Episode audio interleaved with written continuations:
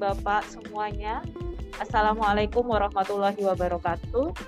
Selamat datang di Masterclass Series dari Departemen Pendidikan Kedokteran dan Bioetika FKKMK UGM.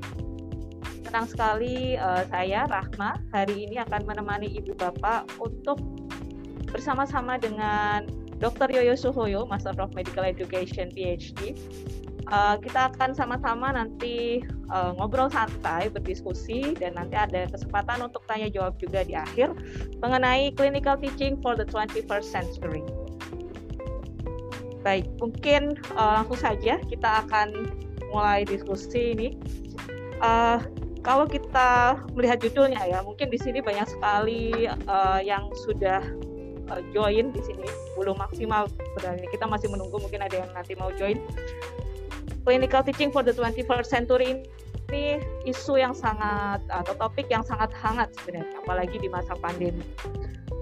Nah, mungkin saya mau mendengar dulu uh, perkenalan atau sedikit overview overview mengenai topik clinical teaching for the 21st century. Sebenarnya apa sih yang membuat 21st century ini berbeda Pak Yuyun? Dari clinical teaching yang biasa, uh, yang dulu mungkin zaman kita, atau apa yang membuat berbeda? Apakah challenge-nya atau apa? Oke, baik terima kasih. Selamat siang Bapak Ibu sekalian. Ya, uh, saya Yoyo. ya siang hari ini kita uh, akan berdiskusi tentang uh, ya topiknya kelihatan luar biasa ya. Teaching in the 21st century. Ya sebenarnya uh, topik kita hari ini terinspirasi oleh sebuah artikel yang dipublish di Medical Teacher tahun lalu, tahun 2019 dengan judul yang hampir serupa. Jadi judulnya tentang experience based uh, learning model, the clinical teaching for 21st century. Jadi kalau pertanyaannya tadi dari Bu Rahma adalah apa sih, kenapa kemudian pertama mungkin pertanyaannya kenapa harus menekankan di 21st uh, century, bedanya apa dengan ini? Nah, kenapa ngambil setting 21st century? Karena memang di, uh, di model ini, ini Dorna dan kawan-kawan ini uh, pengen menekankan satu aspek yang uh, mungkin sedikit berbeda dengan yang sebelumnya. Berbedanya di mana? Jadi experience based uh, learning model ini uh, terdiri dari empat uh, hal yang beliau tekankan dalam modelnya tersebut. Yang model ini itu dibuat, dibangun berdasarkan hasil studi selama 30 tahunan diambil dari ratusan jurnal tentang clinical teaching dan tentu saja publikasi-publikasi mereka uh, Dona dan kawan-kawan terkait dengan clinical teaching. Jadi ada empat hal. Jadi mungkin kalau Bapak Ibu pernah membaca, mungkin terutama mungkin para pemerhati pendidikan pernah belajar tentang BIGS ya, tentang model BIGS yang proses ya. proses produk. Mm-hmm. Nah ini sebenarnya model ini dikembangkan dikembangkan dari situ.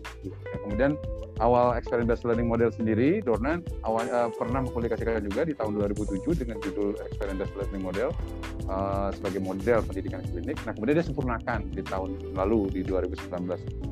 Jadi ini model ini menceritakan tentang bagaimana dari mulai mahasiswa masuk dalam uh, lingkungan pembelajaran klinik sampai akhirnya dia keluar.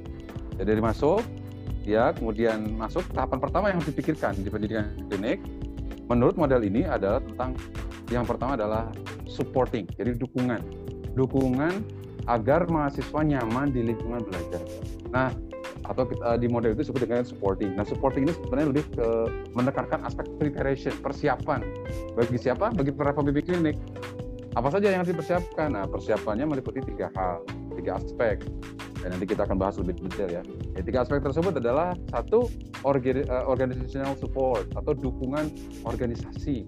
Nah di sini pembimbing klinik tentu saya tidak bisa berdiri sendiri. Pembimbing klinik perlu uh, berdiskusi, perlu bekerja sama dengan para pemangku kepentingan di institusi pendidikan dan juga institusi uh, tempat praktek pendidikan klinik dalam konteks kita mungkin di Indonesia adalah rumah sakit pendidikan baik itu rumah sakit jejaring, Stalit maupun rumah sakit pendidikan utama.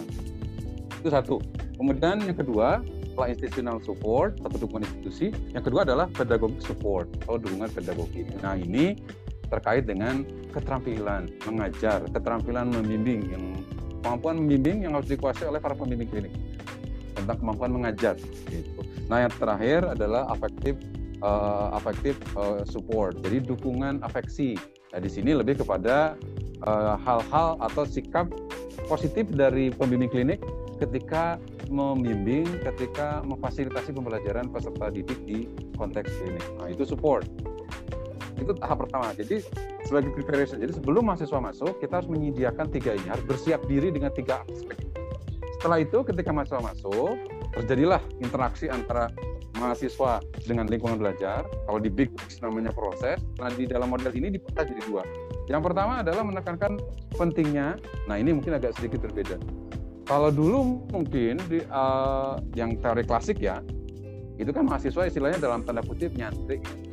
Maksudnya nyantri, itu, itu jadi semacam apprentice. Ah, apprentice jadi magang lah, magang. mengikuti pembimbing. Mengikuti nah, mana saja. Nah, saya mengikuti itu. dosen A, dokter itu. A, visitor, betul. mana pun diikuti betul, gitu ya. betul. ya. Ya begitu. Jadi mengikuti lah ya, magang. Okay. Nah di di di era sekarang ini yang didukung yang ditanamkan kemudian adalah bagaimana kita menciptakan sebuah situasi e, di mana mahasiswa ini terlibat berpartisipasi di dalam praktek jadi tidak cuma mengikuti, mengikuti saja, tapi benar-benar berpartisipasi. Betul. Bahkan di akhirnya itu mulai dari nah ini terkait dengan kalau yang di uh, model yang 2007 ya kan menceritakan uh, bahwa dalam partisipasi mahasiswa itu bahwa pembimbing klinik itu harus mendukung mahasiswa atau mensupport mahasiswa itu berkembang dari uh, passive observer dari yang tadi hanya melihat. Nah ini mungkin yang mengantarkan biasanya passive observer. Kemudian bergerak menjadi active observer. Kemudian difasilitasi menjadi aktor in rehearsal latihan sampai menjadi terakhir adalah aktor in performance melakukan. Nah di model yang 2019 ini dia uh, di model ini kemudian di mahasiswa diharapkan setelah rehearsal setiap performing itu dia berkontribusi. Jadi membantu dari pelayanan. Nah ini mungkin terkait dengan paradigma sekarang pelayanan kan sekarang semua pelayanan rumah sakit itu kan memberikan kepuasan kepada pasien. Jadi kepuasan pasien menjadi utama bagaimana jadi sehingga ketika pasien itu datang walaupun mereka tahu mereka datang ke rumah sakit pendidikan ya tapi kan tetap saja semua pasien pasti datang ke rumah sakit dalam berharap untuk mendapatkan pelayanan yang terbaik ya. nah maka sesuai dengan konteks ini inline dengan konteks dengan prinsip ini maka dalam model ini mahasiswa kemudian harus berkontribusi harus ikut berpartisipasi dalam memberikan pelayanan jadi sehingga si mahasiswa itu ditempatkan sebagai bagian dari member bagian dari tim pelayanan jadi walaupun itu pendidikan, tapi tetap ketika di depan pasien konteksnya adalah pelayanan. Nah ini supporting ini yang mungkin menjadi challenge ya buat semua para pembimbing klinik karena memberikan pelayanan saja sudah berat dari para pembimbing klinik. Tiba-tiba sekarang ada aspek pendidikan, dia harus mulai dari mengobservasi sampai membuat mahasiswa berpartisipasi. Nah itu konteks yang kedua, aspek yang kedua. Jadi dalam berpartisipasi ini sebenarnya tujuan pendidikannya adalah memberikan mahasiswa experience, pengalaman gitu. Itu aspek yang kedua. Nah, kemudian masuk ke aspek yang ketiga. Nah, ini juga mungkin konteks yang baru. Dan ini mungkin bagi challenge juga bagi para pemikir adalah uh, dalam modelnya disebut dengan real passion learning. Ya, jadi setelah kita memberikan pengalaman kepada mahasiswa melalui interaksi dengan pasien, ingat itu belum selesai. Masih ada tahap berikutnya apa? Membuat mahasiswa dari pengalaman tersebut belajar sesuatu. Real passion learning. Nah, ini yang kemudian in konteks di situ ada di konteks di situ uh, ada refleksi. Jadi refleksi menjadi hal yang paling penting. Refleksi plus feedback itu menjadi hal yang sangat-sangat penting supaya terjadi real patient learning. Itu.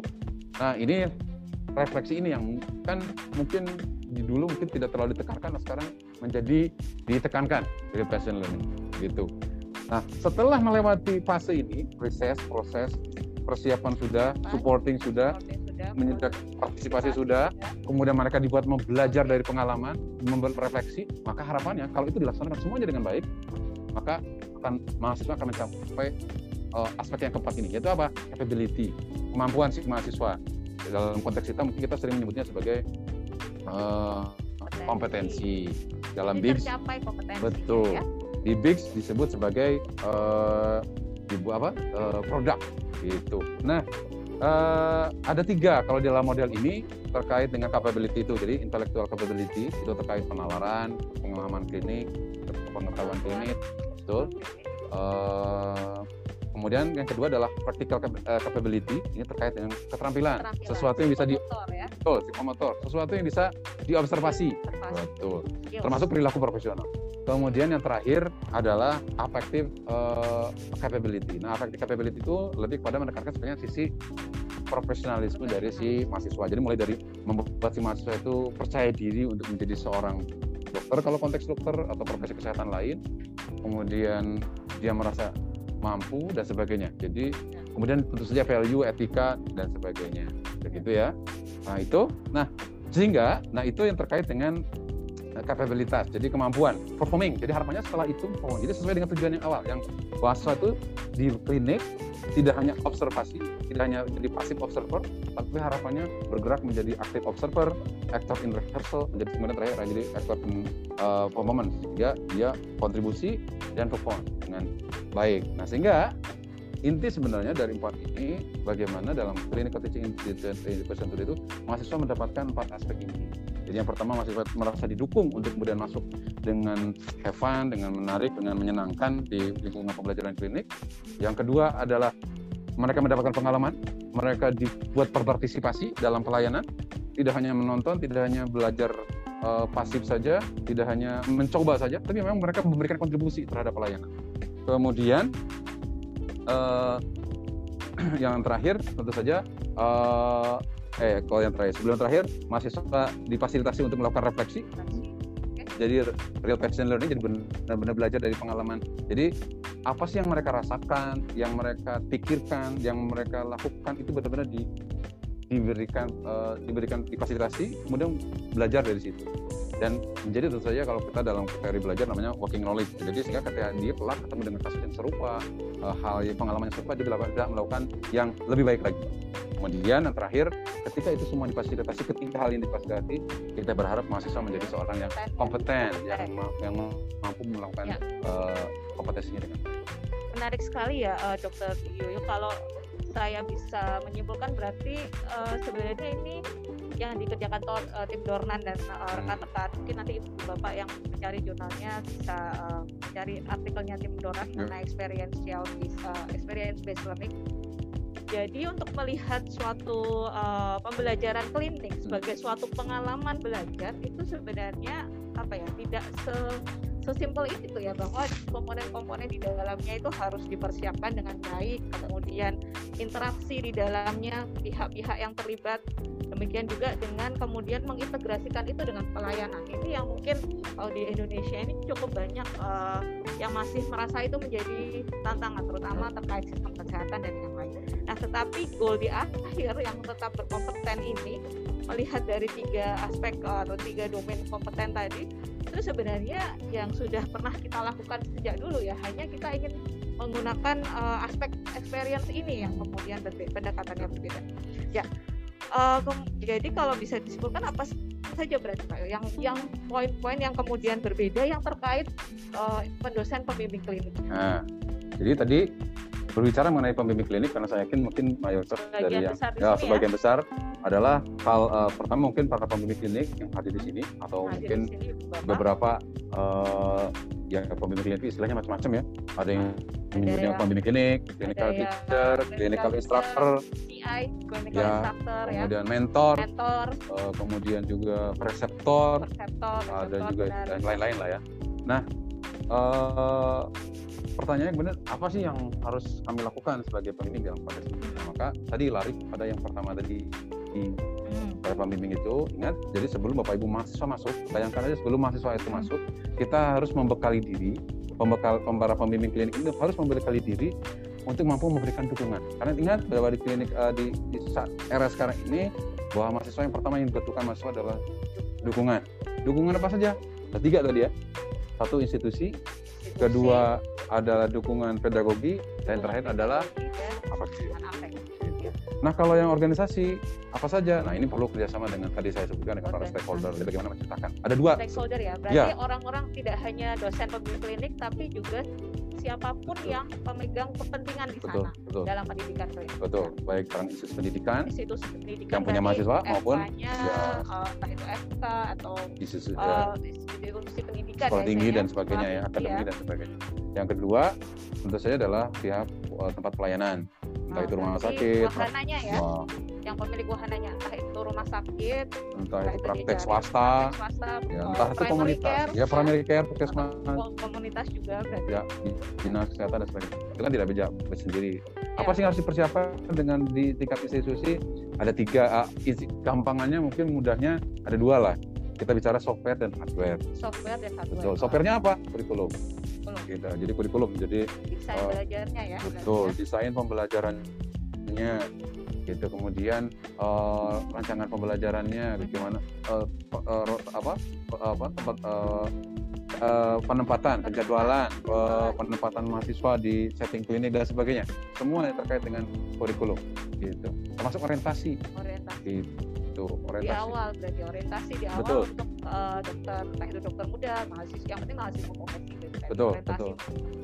betul betul. Jadi eh, termasuk itu termasuk bagaimana kita mempersiapkan si mahasiswa. Jadi istilahnya welcoming lah ya. Jadi nah jadi satu desain kurikulum. Yang kedua hardware. Hardware itu apa?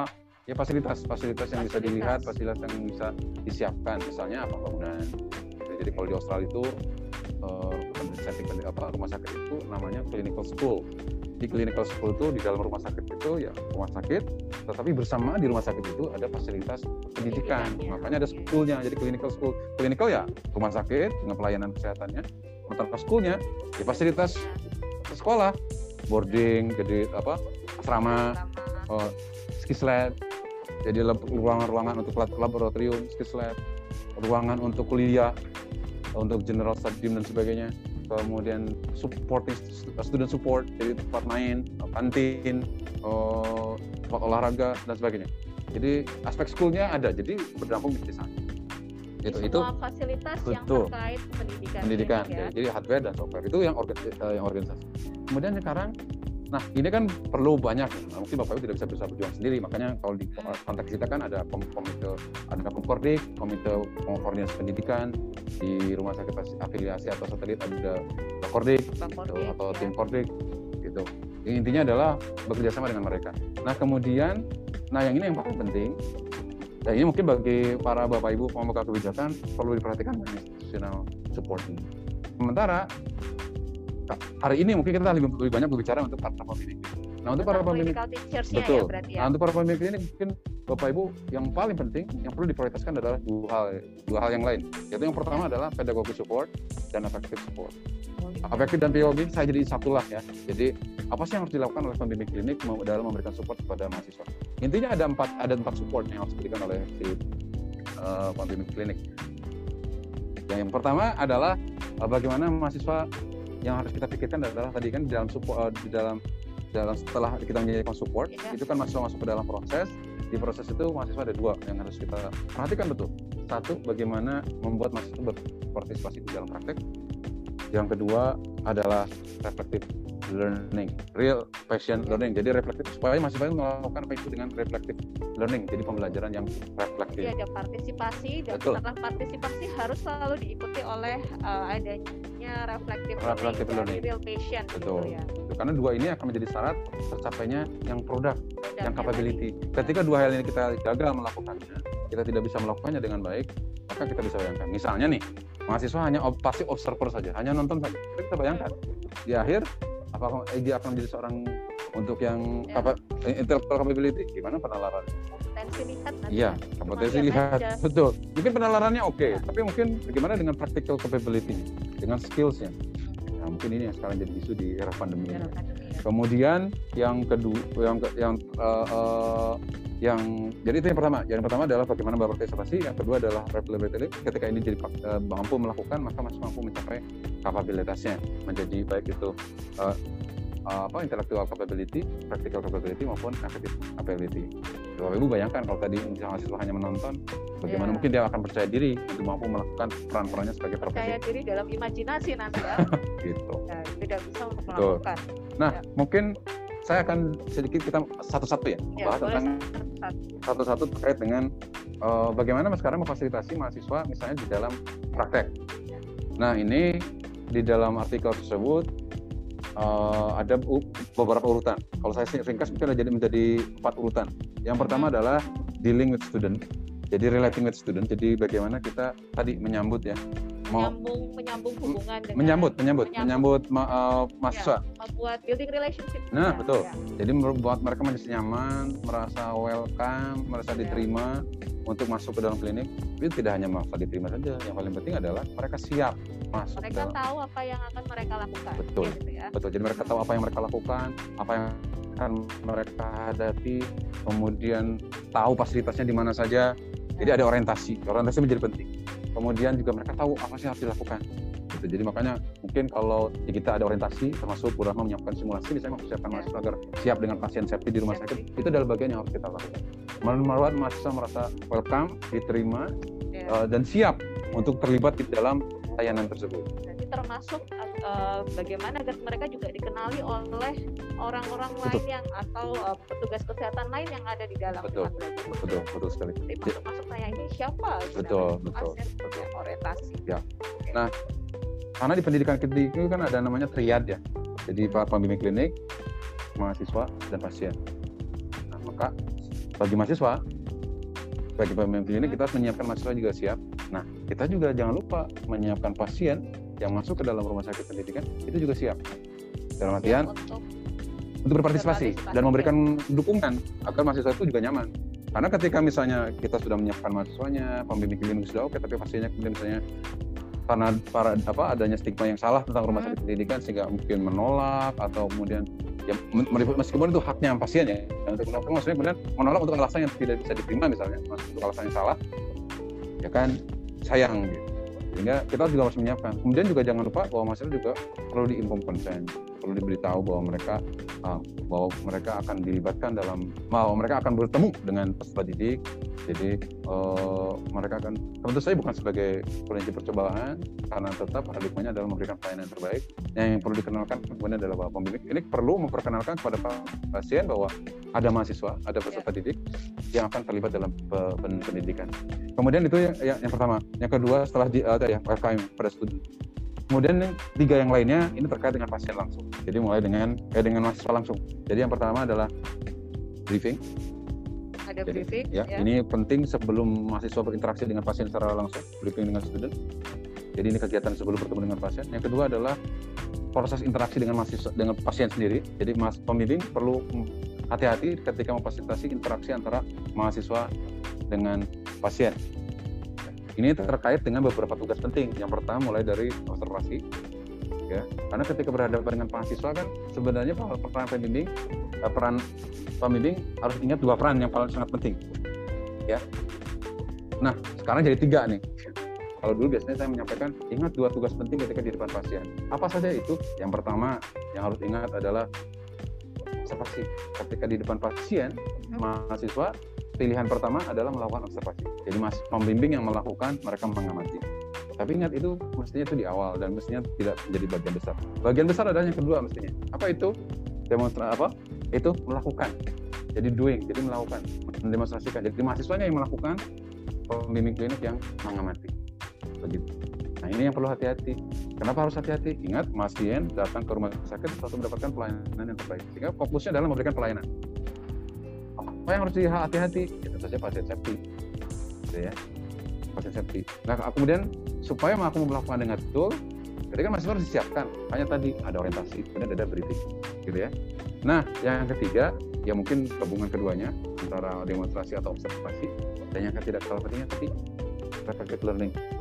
Real expe- uh, learning. Jadi reflective learning. Jadi, jadi jangan lupa bapak ibu setelah berinteraksi dengan mahasiswa gitu ya. Kan tadi ketika di depan pasien kan fokusnya adalah pelayanan maka mungkin bapak ibu bertanya kapan saya memberikan komen saya membetulkan memberikan menanyakan apa yang Ya. dirasakan dan dipikirkan maupun apa yang dilakukan oleh mahasiswa untuk memberikan kemudian memberikan komentar atau apa feedback ya tadi ada langkahnya disebut dengan debriefing. Ini langkah terakhir ketika berinteraksi dengan mahasiswa debriefing. Nah, di debriefing inilah Bapak Ibu melakukan dua hal yang sangat penting yaitu refleksi dan feedback. Kemudian uh, itu, nah kalau itu semua Bapak Ibu bisa lakukan, maka kita bisa berharap bahwa masih mampu mencapai kompetensinya atau kapabilitas. Ya, jadi uh, kalau kita kembali ke yang experience tadi ya, menciptakan sebenarnya clinical teacher di sini dosen pembimbing itu Hmm. kan menciptakan pengalaman bagi uh, mahasiswa, menggiring mereka ke dalam pengalaman. Nah berarti tadi kalau saya ingat-ingat sebelum kita sebelum mereka mengalami sesuatu kita harus melakukan orientasi dulu, induction dulu, mempersiapkan dulu. Jadi institusi yang menyiapkan environment belajarnya yang suportif, dosen yang memberi masukan mahasiswa mengantarkan ke dalam sistem itu. Setelah itu baru mereka diminta untuk ber, berpartisipasi aktif dengan observasi dulu aktif. Aktif observing itu berarti mereka juga noticing gitu ya, ya. apa sih peran mereka di dalam klinik dan kemudian bagaimana. Saya itu mereka berpartisipasi dalam pelayanannya hmm. melakukan. Ya, sementara dosen pembimbing kliniknya yang kemudian mengamati. Nah setelah itu baru harus diakhiri dengan ini harus diakhiri dengan refleksi jadi itu akan menjadi suatu pengalaman di mana kemudian terbentuklah ya dalam tahapan-tahapan itu di akhir terbentuk kompetensi yang artinya ini tentu berulang ya selama pendidikan betul, klinik betul. ya sepanjang itu. Ya, proses tadi kan proses per kasus ya. Mm-hmm. Tapi jangan lupa juga jadi kita harus memikirkannya sebagai pembimbing dua. Jadi uh, interaksi per kasus okay. ya, per kasus pasien kasus yang itu terjadi pasien, ya. daily life dalam daily. setiap kehidupan sehari-hari dalam daily daily ya. activity ya dalam kehidupan sehari-hari Nah, tapi juga Bapak Ibu juga perlu memikirkan uh, para pembimbing klinik ini juga terkait memikirkannya tidak per kasus tapi per uh, tahap ini. Jadi tahapan mulai mahasiswa masuk sampai akhir.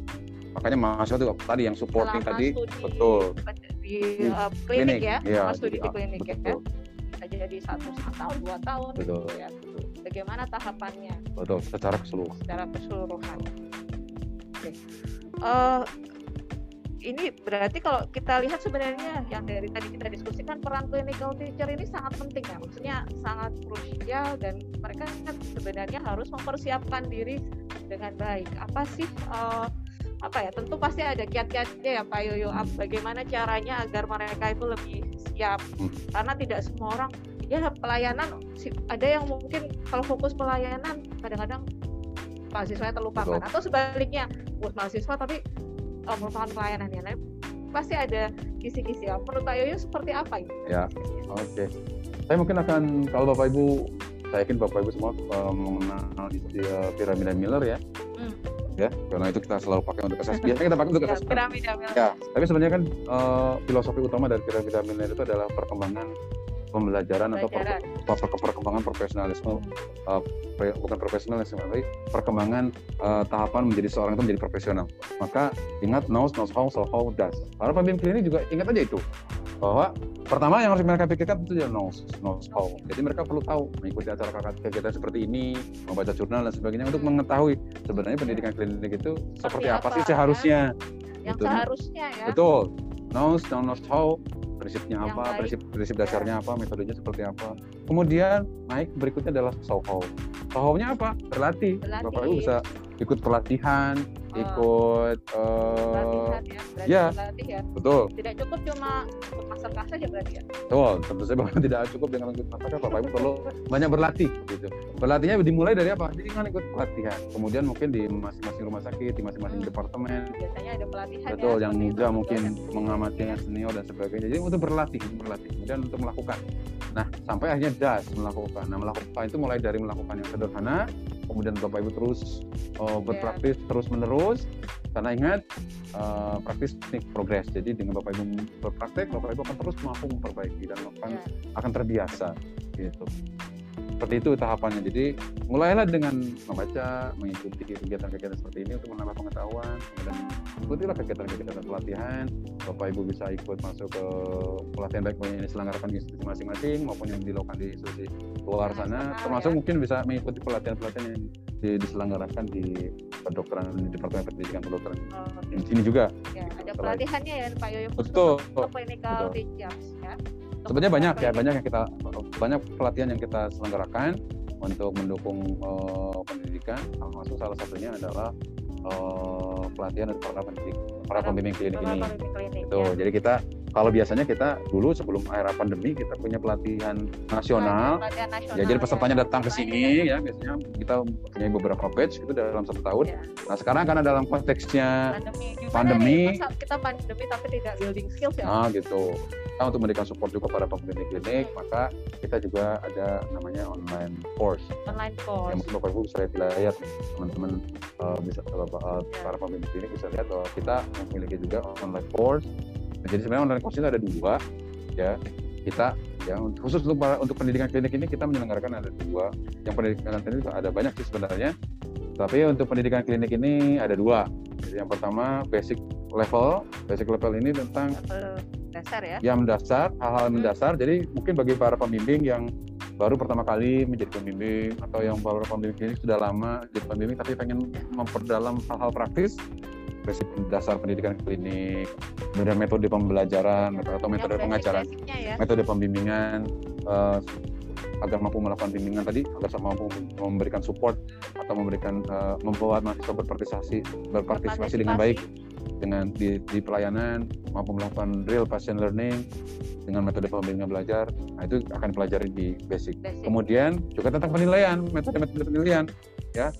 Ya metode pembimbingan ya, bagaimana menilai ya. Jadi betul. tugasnya dosen klinik ini banyak ya. Betul. Gak cuma ngajar gak cuma fasilitasi dan pelayanan plus harus memberikan nilai. Nah, penilaian ini betul. Uh, bagian yang dari pendidikan klinik betul, juga ya yang betul. perlu dilatih. Betul. Jadi kita namanya workplace based learning, eh, workplace based uh, assessment gitu. Hmm. Nah, jadi kalau metode mungkin Bapak Ibu pernah mengenal baca itu teaching, one minute receptor, snap dan segala macam. Nah, itu kita akan belajar juga di situ. Kemudian kalau assessment, assessment mungkin Bapak Ibu mengenal mulai dari yang case based discussion, uh, long, uh, Osler, Mini CX, Drop segala macam kita akan belajar juga. Berbagai macam. Betul. Bisa digunakan Betul. untuk itu untuk basic untuk dasar. Oh, nah, tapi kita juga nah kita juga selain basic kita oh. juga ada oh, advance. Ya. Nah, tadi kita kan apa bedanya, Pak? Ya, kalau yang basic kan lebih pada menitik beratkan dua peran pembimbing untuk pedagogi support dan ya, effective support. support. Nah, kalau yang Bapak Ibu mungkin mungkin Bapak Ibu sudah mengikuti nih basic. Bapak Ibu sudah memiliki mengetahui nih metode hmm. pembimbingan yang benar seperti apa, mestinya pembimbing benar gimana, ya. menilai yang baik seperti apa. Nah, mungkin Bapak Ibu lalu bagaimana sih mendesain atau memanage pendidikan klinik itu? Nah, bapak, bapak ibu juga bisa ikuti advance advance uh, advance training ini atau training tingkat lanjut ini. Itu tentang bagaimana merancang bagaimana memanage pendidikan klinik. Gitu. Nah ini Uh, Berarti ini untuk yang mungkin Bapak Ibu tridik klinik yang terlibat ke betul, manajemen rotasi kliniknya atau ya, pendidikan ya, profesinya ya. Teman-teman dosen yang terlibat itu. Tapi ini harapannya sudah uh, mengetahui yang prinsip-prinsip dasarnya nah, sehingga jadi ikut yang dasar dulu baru ya, kemudian ya kalau yang belum atau misalnya baca dulu boleh nggak ya. kalau langsung nggak apa-apa juga gak silakan apa, aja ya. nah ini lebih lebih lama karena untuk bisa memanage kan tentu bapak ibu perlu memahami teori dan sebagainya sehingga mungkin ini, ini lebih dalam lebih dalam ya. dan lebih lama dan bahkan mungkin uh, kita sedang merancang nih ya karena Bu Rahmat kemudian sudah melalui prodi S2 IPK kita sedang merancang bahwa untuk yang advance ini juga Bapak Ibu uh, dengan mengikuti basic dan advance ini Bapak Ibu nanti bisa gunakan kalau mungkin Bapak Ibu tertarik untuk mengikuti S2 ilmu ya. pendidikan kedokteran atau master medical and health professional education kreditnya nanti bisa dihitung ya. Betul. Ya. Nah, itu beberapa yang Bapak Ibu bisa lakukan untuk mengikuti uh, melakukan uh, untuk mengikuti pelatihan sebagai salah satu pengembangan diri ya yang bisa Bapak Ibu lakukan. Nah harapannya kemudian setelah mengikuti ini Bapak Ibu mampu melakukannya di institusi masing-masing. Dan saya sangat berharap, saya selalu menekankan ini ketika uh, di mana pun saya berada bahwa uh, Bapak Ibu ketika setelah mengikuti apa itu pelatihan atau acara-acara seperti hari ini yeah. dengan kita, itu menjadi bisa menjadi pionir, bisa menjadi penggerak di institusi yeah. masing-masing ya walaupun tentu saja ya tidak bisa sendiri tidak bisa sendiri ya Betul, mengajak perlu. boleh nah, kalau nanti ada master class lagi mungkin perlu mengajak Betul. beberapa orang dari institusinya ayo kita ya. membawa ya. perubahan gitu ya Oke, sekarang uh, waktunya pertanyaan ini Pak Yoyo. Ya. Oke. Uh, untuk kalau misalnya nanti ada pertanyaan terkait uh, online course-nya nanti akan uh, ada kesempatan lagi di akhir atau nanti bisa menghubungi sekretariat dan melihat di akun Instagramnya uh, DPK. Ya, pertanyaan dari uh, peserta yang pertama dari uh, Ibu okay, Ibu Eka Trina. Bagaimana peran pembimbing di masa pandemi COVID-19 untuk bisa memastikan mahasiswa yang terbimbing menjadi kompeten ketika waktu kliniknya kurang karena ya. kondisi pandemi? Ya sebenarnya kalau covid eh, pandemi covid ini tidak hanya waktu kliniknya ya, ya tapi juga paparannya juga ya. kemudian uh, jumlah kasusnya ya. juga banyak precaution untuk ya. kesehatan kayak, kayak seperti apa Pak Yoyo? Ya baik terima kasih saya sudah akan saya, bisa menebak akan ada pertanyaan ini. Ada pertanyaan ini karena, karena ini masalah kita bersama. Ya, masalah bersama ya, yang masih Ya, jadi, memang pandemi COVID ini membatasi banyak hal pada hmm. kita, membatasi banyak hal eh, aktivitas untuk melakukan seperti biasanya. Tapi kan pandemi covid ini jangan sampai membatasi aktivitas kita Ya. Nah, bagaimana caranya? Kreatif, nah, kalau ya. Bapak Ibu mengingat tadi prinsip yang tadi ya, eh, mulai dari supporting student, kemudian membuat support mahasiswa berpartisipasi secara aktif, kemudian mahasiswa melakukan reflective learning, bahkan sampai akhirnya membangun kapabilitas. Kalau Bapak Ibu mengingat ini, tinggal kita menurunkan itu aja dalam konteks pandemi. Maksudnya gimana? Salah satu yang mungkin berat dilakukan, ya, mulai dari karena mungkin pasiennya juga turun jumlahnya, kedua mungkin juga masalah prosedur safety ya, Safety ya. pasien baik untuk pasien maupun untuk profesi. Ya, mungkin Bapak Ibu sebagai pembimbing aja melayani COVID ini sudah repot apalagi terbatas, ada ya. pendidikan. Maka mungkin kalau kita kembalikan lagi ke ke ke ke, ke apa ke Miller, dasnya kan mungkin akan masalah. Kalau tapi tetap sebisa mungkin Bapak Ibu lakukan dengan menggunakan protokol COVID. Tapi kalau tidak bisa bagaimana? Kalau tidak bisa, Bapak Ibu, nah ini yang sering Levelnya. kesalahan yang sering dilakukan adalah ketika partisipasi dengan pelayanan tidak bisa, lonjatnya langsung dari das tidak bisa, langsung lonjatnya ke nos nos how. Ya. Jadi hanya melalui online, melalui kuliah-kuliah saja diganti. hanya hanya diskusi terbatas Betul. pada diskusi Betul, ya. Padahal betul. mereka harus menunjukkan kalau mereka mampu. Betul. Maka Ya. jangan langsung loncat ke nos, nos how. Bukan dulu so how, Terus how. so how. Mereka Jadi simulasi. Betul. simulasi. Betul. ya, yang- Simulasi gimana caranya? Banyak, banyak caranya. Mulai dari yang paling sederhana, misalnya eh, Bapak Ibu bisa menggunakan Zoom untuk eh, untuk simulasi, misalnya nanti kapan-kapan mungkin bisa mungkin Ya, mungkin mungkin, di, di online course kita ya. bisa bicara bicara tentang bisa bicara tentang bagaimana teaching di konteks online. Online. BBB bisa melakukan bedside teaching online. Tentu saja dengan tidak dengan real pasien karena ini simulasi, maka Bapak Ibu dengan pasien simulasi misalnya ya. Dan kasusnya di, dengan Zoom, kemudian mereka melakukan dengan dengan keluarganya, dengan teman-temannya, yang mana paling memungkinkan yang mana. Itu contoh. Atau yang kita lakukan. Jadi ya, jadi Bapak Ibu eh, ini dua minggu yang lalu ya Bu Rahma. Kebetulan Bu Rahma ketua timnya.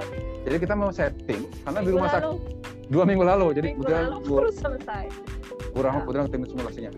Saya sebagai yang nyuruh-nyuruhnya aja. Jadi eh, kita menciptakan simulasi itu karena kan dengan pasien sesungguhnya tidak bisa, maka kita bisa lakukan dengan simulasi. Kita ciptakan simulasi, kita ciptakan poliklinik, kita ciptakan bangsal, kita ciptakan UGD, kita ciptakan kamar bersalin, kita ciptakan eh, ruang tindakan, kamar bedah, kamar operasi, tapi semuanya dalam simulasi. Simulasi. Gitu. Kalau kalau di keperawatan mungkin ada mini hospital, Ya. kemudian kalau di kedokteran ada skills lab atau teman institusi pendidikan lain juga ada skills lab kita bisa merubah itu bisa menggunakan contohnya. Jadi banyak gitu. Atau dan jadi banyak yang kreativitas bisa nanti. di- ya yang bisa kita ya. diskusikan. Cuma sayang waktunya kita sempit. Iya. ya jadi banyak sih jenis-jenis simul uh, betul ya betul tentang simulasi ini kapan-kapan Ya. kita melakukan masterclass tentang simulasi ya Bu Ya mungkin yang perlu diingat ibu bapak, kalau kita bicara simulasi itu kadang-kadang yang terbayang itu adalah sesuatu yang high cost. Maksudnya Mhm. high cost itu apakah itu sangat mahal, perlu peralatan yang canggih? Sebenarnya tidak. Kita Ya. bisa buat simulasi dari bertahap dari yang sederhana, walaupun itu ya tentu kita akan menciptakan bangsal yang sederhana, IGD sederhana, tetapi yang kita targetkan adalah kompetensi apa yang bisa Ya. mereka uh, latihkan di sana. Nanti Nah, mungkin betul nah mungkin Nah, Bapak Ibu itu muncul pertanyaan. nah, tapi kan kalau Soho padahal klinik yang membedakan pendidikan klinik dengan Adalah pendidikan akademik dasnya. adalah das melakukan. Ya. jadi keberadaan pasien. Lalu gimana dong? Berarti tidak tercapai dong. Nah bapak ibu maka tentu harus realistis kita kan juga realistis. Harus realistis dengan situasi.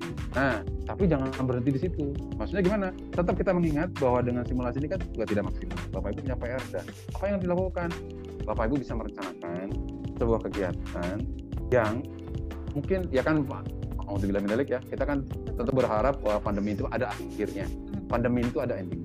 Kalau nanti pandemi itu berakhir mahasiswa masih ada punya masa, masa studi untuk eh, masih punya waktu sesuai dengan masa studinya untuk memperbaiki bapak ibu bisa menciptakan program khusus yang nantinya bisa eh, mengurangi dampak dari ini. Misalnya membuat program yang kami lakukan ini yang sudah kami rencanakan misalnya di kami adalah membuat eh, program terintegrasi. Kita kayak semacam mini internship ya kalau di kedokteran karena ada internship. Kayak mini internship untuk memberikan pengalaman kepada mahasiswa. Kalau waktu pandeminya eh, waktu nanti selesai ketika pandemi selesai mahasiswa masih punya waktu untuk untuk apa melakukan melakukannya. Nah, gimana kan mahasiswa juga punya batasan waktu pembelajaran. Iya. Padahal mereka punya jadi hak untuk lebih lama ya soalnya Ya. ya. padahal kan mereka punya waktu oh, punya hak untuk lulus tepat waktu Hmm. bagaimana? Jangan uh, jangan berhenti di situ sebagai bentuk pertanggungjawaban moral kita kan di semua profesi kesehatan ada namanya continuing uh, medical, medical and health professional education. Yeah. Bapak Ibu bisa sebagai pertanggungjawaban moral mm-hmm. menciptakan program-program pelatihan-pelatihan sebagai bagian dari continuing. Ya. Nah nanti mungkin yang alumni mendapatkan perlakuan musuh, maksudnya entah itu gratis atau apa ya, yang ya. itu untuk meningkatkan atau sebagai tanda kutip mem, me, melengkapi atau melengkapi mengatasi masalah defisiensi ketika mereka kena ya. Kalau menurut saya kita perlu evaluasi juga itu nanti. Ya, kan? betul. Ya. Nah, evaluasi menjadi penting. Makanya selama pandemi ini jangan lupa Bapak Ibu lakukan evaluasi kira-kira apa yang menjadi minus, menjadi masalah terkait kompetensi atau capability ya untuk nanti hmm. kemudian di, uh, di dipenuhi atau dilengkapi ketika situasinya sudah ya. Oke, pertanyaan berikutnya adalah bagaimana sih dari Siti Munawar di UNS bagaimana tips yang harus dilakukan agar mahasiswa merasa diterima. Wah, ini tadi yang ya. uh, induction tadi ya di lingkungan pembelajaran klinik. Ketika itu di RS yang bukan milik kita. ya. Ada anunya ya. Ini kontekstual sekali sebenarnya hampir semua mungkin ada challenge ya. yang Bagaimana Pak Yuyu? Ya, tentu saja mayoritas rumah sakit bukan punyanya tas ya, bukan hmm. punyanya institusi. Makanya kemudian kan kalau kita menuju ke standar rumah sakit pendidikan, maka kan ada namanya komite koordinasi pendidikan, Kordik. Ya bersama-sama ya, kemudian bersama Komkordik Bapak Ibu merancang sedemikian rupa apa kegiatan yang disebut dengan kegiatan orientasi. Ini maksudnya untuk kegiatan yang akan masuk ya? Ada namanya akan orientasi. masuk ya. orientasinya betul, seperti apa? betul. Tentu saja orientasi itu kan tanda kutip maksudnya selama S1 itu kan sebenarnya itu masa utama untuk melakukan orientasi bahwa kita mempersiapkan mahasiswa di tingkat akademik agar siap masuk ke dengan pendidikan klinik. Tapi sebelum masuk ke pendidikan klinik, kita perlu tentu saja bisa melakukan orientasi. Orientasinya apa? Misalnya kalau oh, macam-macam, uh, mulai tentu saja terkait tiga kapabilitas tadi, orientasi untuk skillsnya, orientasi untuk knowledge-nya, penalarannya, orientasi untuk efektifnya juga. Dan tentu saja tentang lingkungan belajarnya. Lingkungan belajarnya apa? Tentang kerumah sakitan, tentang uh, kurikulumnya itu sendiri. Ya? Betul, tentang sistem pelayanan, hmm. tentang keselamatan pasien. Yeah. Kalau yang bahkan mungkin Bapak Ibu kalau rumah sakitnya sudah seperti Sarjito nih, sudah masuk ke dalam apa? Uh, saya lupa itu. Akreditasi internasional itu kan GCI. GCI itu kan lebih ribet lagi ya uh, syarat-syaratnya harus mau harus orientasikan ini dan itu. Melakukan orientasi? Lakukan orientasi? Itu uh, bahkan mungkin simulasi. Gitu. Lakukan uh, uh, uh, orientasi bahkan simulasi agar mahasiswa mengenal. Walaupun tadi ya orientasinya lebih baik sih pas akademik kecil gitu. Nah, makanya di paradigma pendidikan kan ada namanya early clinical exposure. Itu kan dalam rangka tujuannya ke sana. Tetapi kalau bapak yang pertanyaannya saya paham ini tujuannya kan uh, sebelum. Nah gitu. Sebagai contoh nih contoh untuk saya bukan uh, untuk semoga bisa menginspirasi Bapak Ibu. Biasanya kalau di kami, kami orientasi ini kita masukkan sebagai bagian dari kurikulum pendidikan profesi. Kita disebutnya kepanitiaan. Itu mulai dari refreshing tentang knowledge, refreshing tentang knowledge research, proses macam-macam lah. Kemudian refreshing tentang uh, skills juga, kemudian juga tentang rumah sakitan. Jadi, jadi itu wajib. Ini tidak masuk SKS, tapi mereka mendapat sertifikat orientasi. Jadi orientasi ini wajib termasuk lima angka tentang basic life dan segala macam yang itu menjadi syarat rumah sakit sebenarnya karena kan di dalam standar akreditasi rumah sakit pendidikan ada ya kewajiban orientasi jadi kita ciptakan jadi bersama harus tahu seperti apa dan Betul. kemudian apa ya istilahnya dengan membawa dok, uh, itu mahasiswa profesi itu ke lingkungan yang ya. tempat mereka belajar mengenalkan mungkin ya. nanti plus menjelaskan mungkin ya, ya. peran-peran ya. mereka apa ya. itu harapannya yang di uh, ada di sistem di rumah sakit itu juga ya. bisa menerima kan ya jadi agar agar sama-sama saling mengenal mungkin Betul. yang bagian ini juga perlukan kita pindah ke pertanyaan ketiga pertanyaan ya. cukup banyak dari Ibu Suryani dari Poltekkes Kemenkes Medan bagaimana CI clinical instructor sebagai sebagai CI bagaimana mengajarkan keterampilan observasi pada mahasiswa. Oke. Okay. Keterampilan observasi jadi khusus mengenai observing ya. performa mahasiswa ya, ya di klinik. Ya karena tadi kan bahwa mahasiswa itu kan di, ketika di depan pasien mereka akan melakukan dua perannya. Satu dia mengobservasi atau dia melakukan. Ya. Nah, ketika mengobservasi, nah pertanyaannya kan apa sih yang harus diobservasi, gitu kan? Nah, mungkin ini pertanyaan konteksnya. harus tahu dulu apa betul, yang mau diobservasi. Betul. Apa sih yang harus diobservasi? Maka ya. ini menjadi penting. Maka, nah ini di dalam tadi ya ke dalam interaksi dengan pasien, saya misalnya konteksnya bisa teaching gitu, saya selalu memperkenalkan lakukan dengan tiga model. detailnya apa nanti kalau bapak ibu pelatihan kita bisa Ah, berlatih dan bisa ngomongin juga, detail Pak, gitu. ya. Tapi itu bisa. Jadi Bapak Ibu eh, ada namanya eh, briefing. Nah di briefing itu Bapak Ibu eh, sampaikan gitu apa yang harus diobservasi, apa yang harus diobservasikan dan sebagainya. Jadi ya, jadi dilatih. Jadi yang perlu nanti di- di- di- disampaikan pada mereka adalah apa sih yang harus diobservasi, gitu, caranya gimana, apa yang harus perlu diamati, itu dipersiapkan dan itu diorientasikan. Jadi sehingga yang Bapak Ibu Bapak Ibu ingat adalah ketika Bapak Ibu dilatih tentang bagaimana membimbing, bagaimana metode pembelajaran dan penilaian, mahasiswa juga perlu tahu. Itulah kenapa tadi saya mereka akan belajar? betul, makanya itu tadi saya sampaikan Ya. di, ada masa orientasi. Orientasi itu termasuk tentang pembimbing apa proses pembelajaran apa sih yang akan terjadi selama di pendidikan klinik, penilaian apa sih yang akan terjadi di pendidikan klinik, nah mereka pelajari itu selama di orientasi. Jadi diajari bahwa harus mengerti pada mereka termasuk yang tidak kalah pentingnya kita kan selalu menekankan pembimbing klinik harus memberikan umpan balik feedback Ya, Nah, kapan mas- itu dipakai? masalahnya kemudian mahasiswanya juga dilatih nggak tentang bagaimana menerima feedback Ya, benar. supaya tidak menjadi sakit hati mutung dan sebagainya Nah, jadi eh, mungkin secara singkatnya jawabannya kalau mau mengobservasi harus tahu dulu apa yang akan Ya, diobservasi. Kemudian mengobservasinya tentu nanti ada caranya sendiri ya. ya ada metode-metode yang bapak ibu Apa yang kemudian harus diperhatikan, kapan kemudian apakah langsung memberi feedback atau tidak, Ya. nanti itu ada caranya. Kemudian pada saat terakhir ada debriefingnya, tentu debriefing ini yang nanti berapa detailnya akan ada di latihan. Pertanyaan berikutnya eh, dari Ibu Nur Laila di Poltekkes Maluku. Pada pencapaian kompetensi klinik sesuai capaian pada piramida Miller, bisakah kita buat seperti piramida terbalik?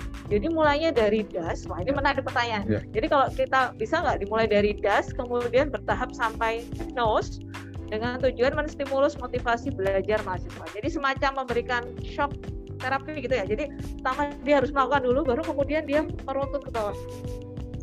sebenarnya kalau bapak ibu tadi amati dengan yang saya jelaskan di partisipasi Hmm. dan real patient learning nah itu yang sebenarnya bapak ibu sampaikan jadi kan di real participation itu mahasiswa berpartisipasi nih di pelayanan. Jadi mahasiswa melakukan. Begitu. Kan mahasiswa melakukan. Jangan mengobservasi berarti kalau bapak ibu mendekatkan ini. Jadi kalau pertanyaannya bisa tentu saja bisa. Jadi ketika ini jangan observasi yang dilakukan tapi melakukan. Jadi mahasiswanya melakukan. Bapak ibu yang mau observasi apa yang harus diobservasi? Tentu saja performanya dia performanya si mahasiswa. Ya? Metodenya nah, bapak ibu bisa pelajari nanti. Kemudian eh, setelah mereka melakukan bagaimana kemudian selanjutnya? Langkah dari sos eh, ininya?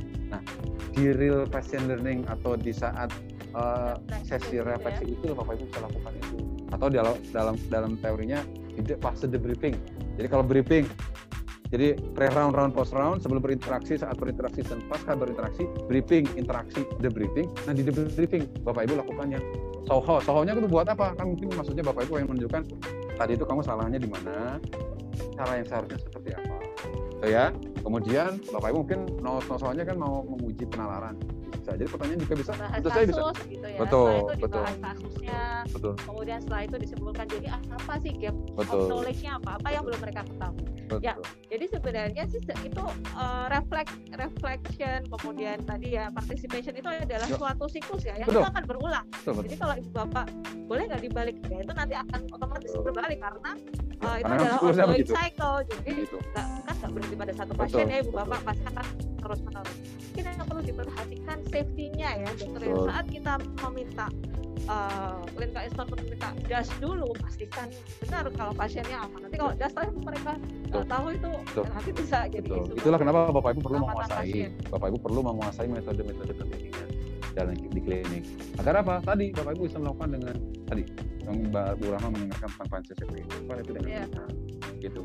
Jadi teorinya kan sebenarnya sama. Teorinya teori dasarnya itu kan dari PAUP Experiential Learning Cycle. Jadi dari uh, konkret, konkret, ya dari belajar berdasarkan pengalaman. siklusnya kan adalah concrete experience, reflection, abstraction, abstract conceptualization, kemudian uh, active experimentation, concrete experience lagi, refleksi lagi, abstract conceptualisasi lagi, aktif, gitu aja terus. Jadi Hmm, kalau Bapak Ibu mau meneruskan ke das, kemudian Soho, ya, no Soho, ya memang siklusnya. siklusnya memang Ya. tinggal Bapak Ibu mau mulainya dari mana, ya tentu saja Bisa. kan semuanya mulainya dari concrete experience. Ya, ada hal-hal yang mungkin perlu diperhatikan Betul. Bu eh. Betul. Ya, pertanyaan terakhir dari Ibu Risma Haralisti, Poltekkes Kemendikbud. Tahun lalu kami ada beberapa orang yang telah mengikuti kegiatan pelatihan dasar, pembimbingan dan ujian di klinik bagi mahasiswa profesi. Hmm. Kalau lanjut tingkat advance, kira-kira bagaimana dan kapan dilaksanakan Pak? Wah, oh, pertanyaan menarik. Ya. Jadi ya. kalau udah ikut yang basic sebelumnya, masih mungkin banyak sekali ya. ya saya, ya. saya yakin mungkin sudah tersebar di seluruh Indonesia. Ya, ya. Uh, kalau sudah ikut yang basic, boleh langsung lanjut advance. Ya. Tapi kapan? Bagaimana caranya? Ya, jadi ya advance ini uh, Insya Allah akan diselenggarakan bulan depan, bulan, bulan Oktober. Depan. Jadi catat, kalau catat tanggalnya ya, Oktober. Ya. ya. Yang basic ini kan, tapi secara ini yang secara online ya. Sayang sebenarnya karena uh, ya, kalau tidak pandemi kita bisa bisa ketemu langsung di sini, bisa berlatih bisa jalan-jalan oh. ya. Cuma karena iya, pandemi, oke okay, kita akan kita menyelenggarakannya online. Jadi bulan depan uh, untuk yang advance nanti kita ikuti saja Bapak Ibu ikuti aja Instagramnya Departemen Pendidikan Kedokteran jadi Med UGM. Med UGM. Ya Med UGM ikuti ya. saja Med UGM di Instagramnya atau di YouTube-nya. Di ya, YouTube Bapak, kalau Bapak Ibu sekarang ikuti YouTube, bisa lah. Ya. Nanti kita akan informasikan di situ, di situ lagi, di situ, gitu ya. Uh, Bapak Ibu ya, akan informasikan. Update yang informasi, ya, betul. pelatihan apa aja mungkin ya. Ya, termasuk pendidikan klinik. Tapi kalau untuk pendidikan klinik yang advance akan bulan depan. Bapak Ibu nanti tinggal ikutin aja prosedurnya yang ada di di yang kami umumkan. Ya. Atau Bapak Ibu bisa hubungi telepon di Medical Education ya di 0274 WhatsApp bisa ya ada ada nomor WhatsApp juga ya nanti ya, bisa kontak ya, sekretariat ya. juga biasanya kami juga akan menginformasikan uh, update mengenai pelatihan apa saja uh, di tahun 2020 ini ya. yang yang mungkin akan dilaksanakan ya. ya. Depan tanggalnya tunggu nanti Ya. Awal bulan depan. Tunggu tanggal mainnya, tapi catat bulan Oktober. Jadi kalau misalnya mau izin, ya kira-kira saya Oktober ini akan ikut online online course ini, ya. yang advance. Kalau bisa karena uh, karena ini online ya justru malah ya. pelatih mungkin pesertanya uh, apa ya misalnya ada interaksi juga ya, ya. antar pesertanya dan ya. Nanti akan ada pengalaman belajar yang mungkin berbeda tapi sebenarnya nanti yang didapatkan sama. Ya, ya. ya ya. Ya dengan uh, dengan di online nanti bapak ibu akan mengalami proses pembelajaran itu saja sinkronus dan sinkronus jadi ya, yang bapak ibu bisa baca sendiri bisa belajar sendiri. Tapi kemudian kita juga ada sinkronusnya jadi yang bisa ada seperti sekarang kayak kita kita sesi tatap muka gitu. akan ada. Jadi, menarik. Bapak ibu uh, bisa ikutan oke okay.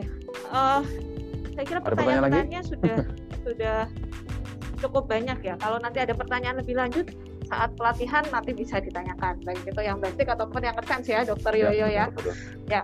mungkin uh, last remark ini uh, penutup ya. dari Dokter Yoyo apa ya yang di uh, istilahnya yang diproyeksikan uh, challenge dari clinical teacher di abad 21 ini seperti apa dan kemudian uh, apa ya closing untuk ibu bapak peserta ya. peserta masterclass ini. Ya bapak ibu sekalian uh, tiara terkini ya dengan uh, kemajuan teknologi dengan uh, perkembangan ilmu yang terus berkembang sangat cepat. Hmm penerbitan jurnal publikasi penelitian begitu sangat cepat segala macam kita perlu mengikuti termasuk juga perkembangan mahasiswa karena mahasiswa sekarang mereka sangat sangat dengar yeah. dengan dengan teknologi ya teknologi. gitu juga kalau kita menggunakan cara-cara apa menggunakan pendekatan pendekatan yang lama tentu mungkin akan jadi masalah.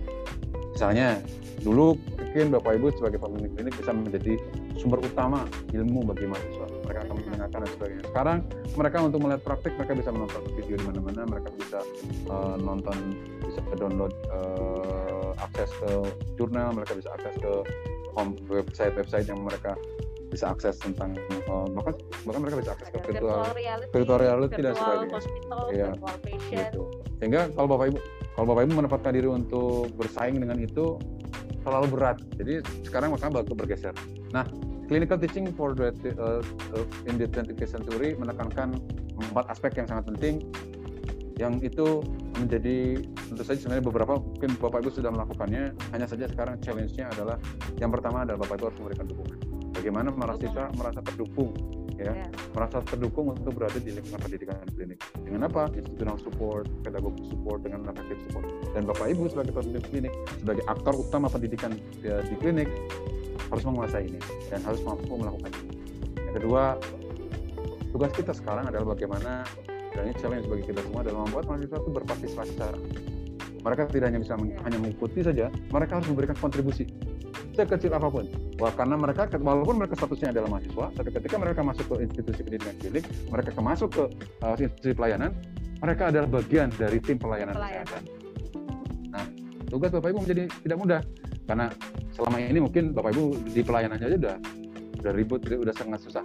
Sekarang Bapak Ibu harus memberikan pelayanan. Nah, mengintegrasikan pendidikan dan pelayanan sepertinya mudah kalau diucapkan, tapi melakukannya tentu sulit. Makanya penguasaan terhadap bagaimana metode pembimbingan yang tepat, bagaimana metode penilaian yang tepat, ya.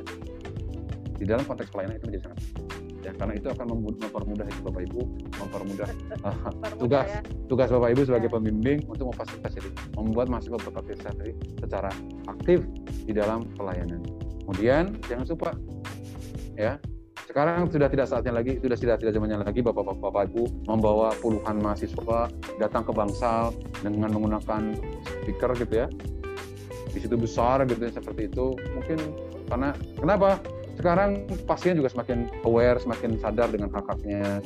Ya, sekarang semua rumah sakit menekankan apa mungkin aware juga dengan tuntutan akreditasi, tuntutan peraturan dan sebagainya yang keselamatan pasien menjadi isu utama gitu ya. Mereka juga mungkin sedikit-sedikit pasien kalau mereka komplain, kalau mereka merasa kok saya diperlakukan tidak seperti ini, kok ini tidak nyaman, mereka bisa upload di sosial media dan segala macam. Ya itu banyak keributan lainnya yang kita sering banyak lihat di sosial media. Maka kita juga perlu, maka kita perlu berhati-hati. Maka di depan pasien sekali lagi fokus utamanya adalah pelayanan. Kalau Bapak Ibu harus melakukan pembimbingan, kalau Bapak Ibu melakukan pendidikan, lakukan tadi tahapannya ketika apa itu real patient learning, lakukan debriefing, lakukan refleksi dan berikan feedback di sana. Gitu. Untuk mampu melakukan itu dengan baik, lakukan briefing. Makanya di supporting itu menjadi banyak sekali langkah yang Bapak Ibu harus kuasai sebagai pembimbing. Mungkin Bapak Ibu akan berujar dalam hati, kok susah banget ya jadi pembimbing klinik, padahal rewardnya nggak ada.